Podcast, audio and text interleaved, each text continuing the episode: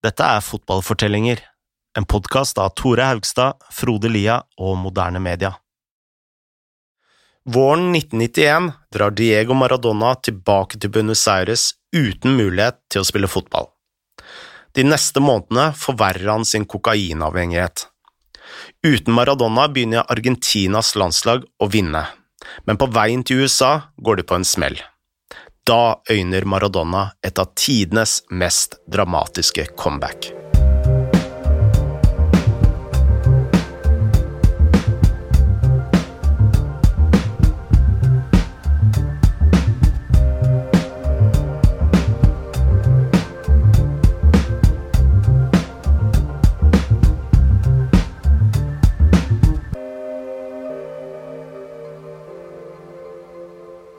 Maradona var jo nede i en uh, veldig mørk dal da han ble suspendert i 1991.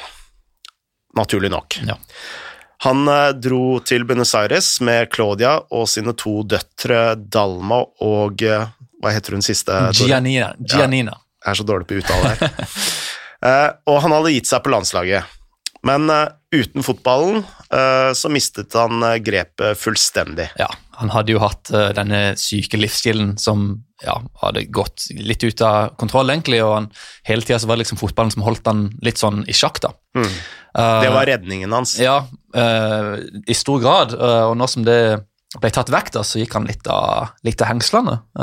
I april det året ble han arrestert for besittelse av kokain. Uh, som ikke var en overraskelse i seg sjøl, men det viste jo at han var tilbake til, til dårlige vaner. Uh, og I august samme år så ransaka politiet leiligheten til sjåføren hans. Der fant de Maradona uh, som hadde besvimt etter en lang dag med alkohol og mer kokain, selvfølgelig. Dette var jo en skandale, men det var jo ikke slik at argentinerne snudde ryggen til Maradona for det. Altså en gang Gud, alltid Gud. ja. La oss høre fra Martin Masur litt om hva som skjedde på denne tiden. when Maradona came back to Buenos Aires, uh, he was um, he appeared in one cover of a graphical when he was being taken in custody by police after um, they they found him in in a in a small apartment that he owned in uh, in one uh, neighborhood of Buenos Aires, and and he he had he was completely high, at uh, and and that picture was um, it was the sort of paparazzi kind of picture, you know, like Maradona inside the the the, the, the police car and his eyes completely lost. And uh, well, that picture w- was um, probably one of the biggest mistakes of the story of the, the history of uh, El Gráfico magazine because in the end I, I'm not sure how many copies they they they sold in it was early 90s uh, i wasn't even i mean i, I was in, in, in school at the time but uh, that that cover when i later worked in a graphical was still you know part of this, how many people still didn't buy a graphical because of that cover so you know it's um it's something that you wouldn't do to Maradona, to your idol, they, they, they would say, to, to use him in such a way. So imagine the, the influence that Maradona had in, in everyday lives for people. You know, it's like, let's forgive Maradona. Selv om Maradona ble tilgitt av de fleste, så, så, innså han jo at han, han trengte hjelp her.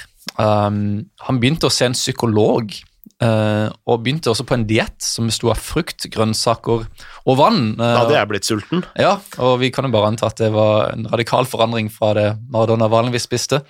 Um, han fikk også støtte fra Minotto og Bilardo, så her hadde liksom den gamle klanen rundt landslaget som, som syntes synd på Maradona, som så at han, han var i, på et veldig mørkt sted. Denne behandlinga gikk han nå på i tre måneder, før han endelig følte seg klar igjen til å, til å spille fotball.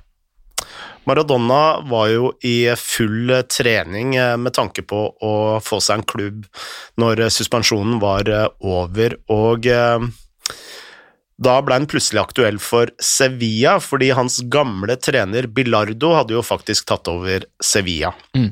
Dette var sommeren 19... 92. Riktig.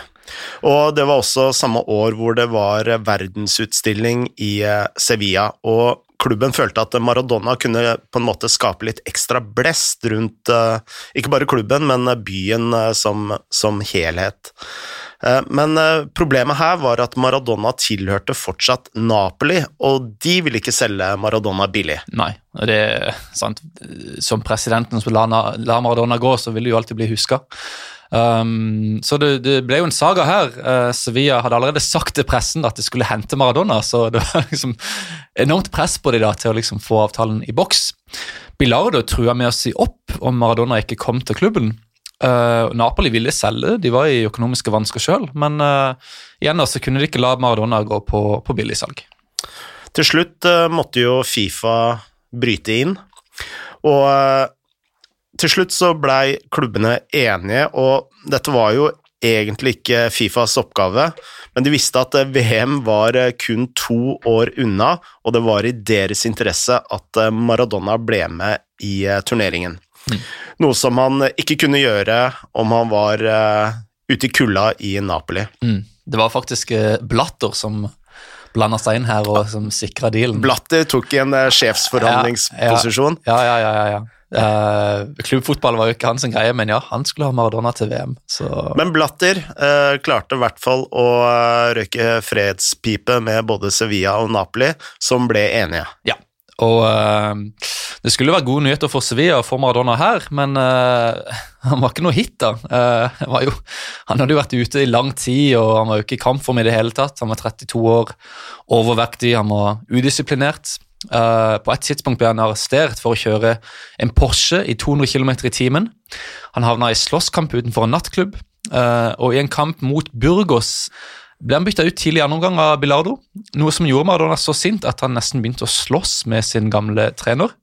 Og det ble Maradonas siste kamp for Sevilla. Så en, ja, en sørgelig, slutt på, ja, sørgelig slutt på et veldig sørgelig kapittel. Og da dro han tilbake til eh, Argentina. Eh, og i oktober 1993 ble han eh, klar for eh, Newells Old Boys. Riktig. Riktig. Og det er et lag fra Rosario som også er kjent for å ha hatt Marcello Bielsa som trener, og det er vel også klubben hvor egentlig Messi, eller i hvert fall heier på? Ja, han kom fra Rosario Messi. Ja, ok. Ja. og begynte der. Men Maradona var jo fortsatt ufattelig dårlig form, og leverte jo ikke noe særlig bra for Newells uh, Allboys heller, men han uh, skapte noen overskrifter som aldri skulle bli glemt. La oss høre fra Daniel Edwards om akkurat dette. One of the stories I saw recently was um, was that Mauricio Pochettino, uh, of course, who went on to um, to be Tottenham coach, uh, Argentine World Cup player. He um, he was a young pro and and he roomed with with Maradona, and uh, ahead of one game, uh, I think they were in uh, the team hotel, either in in Rosario or or another city.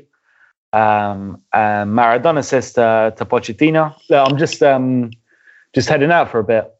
Um, and you know, for Pochettino, this wasn't anything particularly new. If you're Maradona's roommate, you kind of get used to these uh, midnight escapes, let's say. Uh, so Pochettino didn't think much of it, went to sleep, um, came down for breakfast in the morning, um, and everyone, uh, or the team, um, are in the hotel watching watching the news, where Maradona's basically holed up in in his ranch outside Buenos Aires, where he's where he's been driving all night to get to from from the team hotel, and shooting at journalists. Um, and he shot at several journalists with an air rifle. Um, eventually, earning himself a suspended prison sentence and and all sorts of um, other complications. Innen Maradona hadde bestemt seg for å kjøre gjennom natta til en gård og skyte på journalister med et gevær, eh, så hadde landslaget til Argentina prøvd å overleve uten sin største stjerne de hadde ikke bare klart dette greit, de hadde satt sammen et skikkelig skikkelig bra lag uten Maradona. Um, treneren var nå Alfio Coco Basile, en uh, tidligere midtstopper for landslaget, som hadde hatt 13 trenerjobber på 15 år i klubbfotballen før han tok over Argentina.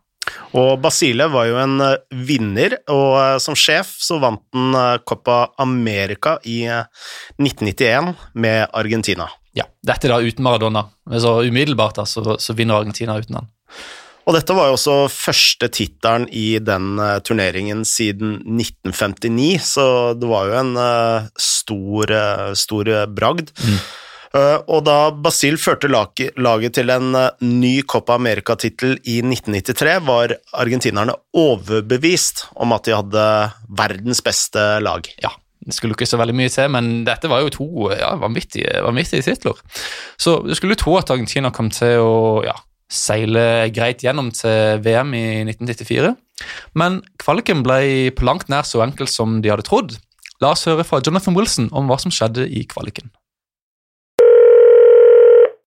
So Argentina win the Copa America in '91 and '93 uh, under Coco Basile, and it's a really good team. Uh, you know, with Batistuta and Simeone, and yeah, it's a really great side. And their World Cup qualifying campaign, they're drawn with Colombia, Peru, and I want to say Paraguay, but Colombia is the important one. And it looks like they're cruising through. Uh, they, they win. The, they win the away games against Peru and, and Paraguay, um, and they, they haven't quite realised how good Colombia were. And they go to Bogota and they get beaten, and they still don't really kind of think this is a problem because you know, Bogota, it's, it's altitude, it's you know, a difficult place to go, you know, and there's this sort of assumption it'll all be fine, and then they draw at home against Peru, and suddenly there's a panic on of hang on, we, we actually might not qualify. And they have to play Colombia at home in their final game. And I think they still only needed to draw. Maybe they needed to win. Uh, but if they didn't finish second in the group, they go to the playoffs. It's not a disastrous thing. But what is disastrous is they lose 5 0. And it is the biggest humiliation Argentinian football has faced, losing to Czechoslovakia in 1958. Arguably even bigger because this is at home. And the crowd start chanting for Maradona. Maradona, who's barely played a game in three years. He's played something 20 odd matches in, in three years. And they start chanting for Maradona. And the, yeah, the fallout is incredible that two days later, um, the, the sort of the main uh, like news investigation documentary discussion program um, they have a special on Argentina's shame.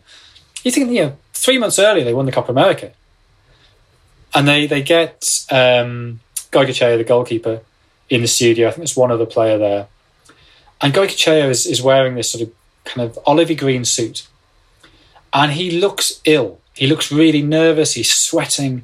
He's obviously having a really miserable time.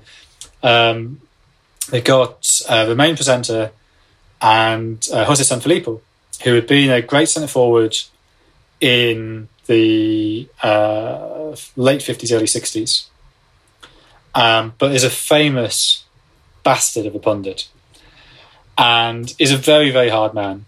And he was a great interview. I really, I really enjoyed meeting him, but I wouldn't want him criticising my work, put it that way.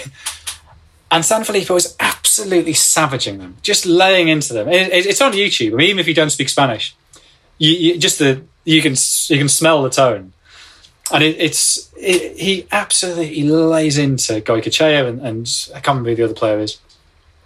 And Bilardo is watching this on TV at home, and he's so appalled, he gets in his car, drives to the TV studio, and insists on being allowed on air. So in the second half of the program, Bez Bilardo sat there, and everybody else is wearing shirts and ties, and he's wearing this kind of weird early '90s sports shirt because obviously he's just been watching TV. And there's him, and he's a hard man. Him and San Filippo absolutely going for it. It's amazing TV. Um, and then after all of this, Maradona, who's still facing trial in Argentina on various drugs charges, comes out and says, I will be available to captain Argentina at the World Cup. And obviously, once he said that, Basile is like, oh, God, I've, I've got to pick him. I, you know, you can't in Argentina, where the whole crowd at the Monumental has been ch- chanting his name. I can't deny him. Vi må bare kjapt eh, korrigere Wilson litt her. Eh, Argentinas bortekamp mot Colombia var i Barranquilla, og laget de spilte uavgjort hjemme mot, var Paraguay. Uansett så ble Maradona kalt tilbake igjen til landslaget til de to playoff-kampene mot Australia. Selv om Argentina ikke spilte veldig bra i den playoffen, så slet de seg videre til en 2-1-seier sammenlagt. Og Maradona var fortsatt eh, langt unna toppformen, men eh, nå som Argentina var klare for VM, begynte eh, argentinerne å diskutere hvorvidt han ville komme i form til åpningskampen eller ikke. Ja, og Maradona har jo har liksom hele, hele karrieren altså er liksom disse bølgedalene hvor han er helt på bunnen, og så bare bestemmer han seg for å ta et skikkelig skippertak og forvandle hele fysikken. Når eh, Maradona skal slanke seg, så er det skippertak. Eh. Det er det, og det må det nesten være. uh, men dette er, altså, dette er Maradona. sant? Endelig har han et stort mål foran seg. VM. Et enormt comeback. Uh, han kan legge alle disse problemene bak seg. Og det som følger neste, neste måned, er jo en sånn Rocky-style opptrening. Mm. Uh, altså, i, Så sent som i mars, da, tre måneder før VM, så var han fortsatt i håpløs form. Uh, men så begynner han å jobbe med Signorini, sin personlige trener. Mm. Og så ansetter han også en fyr som heter Daniel Serini, uh, en sånn fitnessguru som eier et treningsstudio i Buenos Aires kalt New Age Gym. Uh, og dette høres jo igjen litt sånn eksperimentalt ut. Og dette er mannen som Jimmy Burns også skriver om, uh, som tok med seg Maradona til en gård langt ute på landet sammen med Signorini. På den gården så trente Maradona beinhardt, og han uh, gikk på en diett som besto av ulike stoffer som uh, Serini hadde blanda i en blender, kan vi kalle det. ja, for han som sto bak mye av, mye av dietten, uten at ja, noen helt visste hva, hva, det var for noe. Men da vi snakket med Masur, sa han at eh, ingen i Argentina ønsket å sette spørsmålstegn på hva denne dietten egentlig besto av. Uh, og det er jo litt sånn en apekatt som holder seg for både øyne, ører og, og munn. Uh, for alt som betydde noe, var jo at Maradona ble klar for uh, VM. Ja, og Innen åpningskampen mot Hellas så hadde Maradona gått fra å være ja, direkte feit til å plutselig bli tynn og atletisk. Han var helt, for, helt forvandla fysisk sett. Han spilte bra. Eh, Argentina vant sin første kamp mot Hellas 4-0, og Maradona han var en av de som fant eh, nettet. Og i neste kamp vant Argentina 2-1 mot eh, Nigeria. Men etter kampen skjedde det noe spesielt med Maradona. Vi setter tilbake til Jonathan Wilson. At the final whistle, um, this, is, this is in Foxborough near Boston. Uh, Maradona's chosen for the random drugs test. I mean, I'm not sure how random that decision is because Maradona's definitely the player I'd have chosen for the random drugs test that day. And so there's this incredible footage of this this nurse taking him by the hand, and it is like a kind of nurse with a kid or something. And she's a little bit taller than him, leads him off the pitch, and he's sort of smiling and waving. He he seems not to think anything's up at all. And then, of course, the news breaks that he's tested positive for ephedrine. So there's very, and I actually get this wrong in the book. Uh, there's various stories. There was a cocktail of five drugs. It's not. It's just that's the way ephedrine metabolizes in the body. It breaks down these five substances, or maybe it's five things, one of which is ephedrine. I, you know.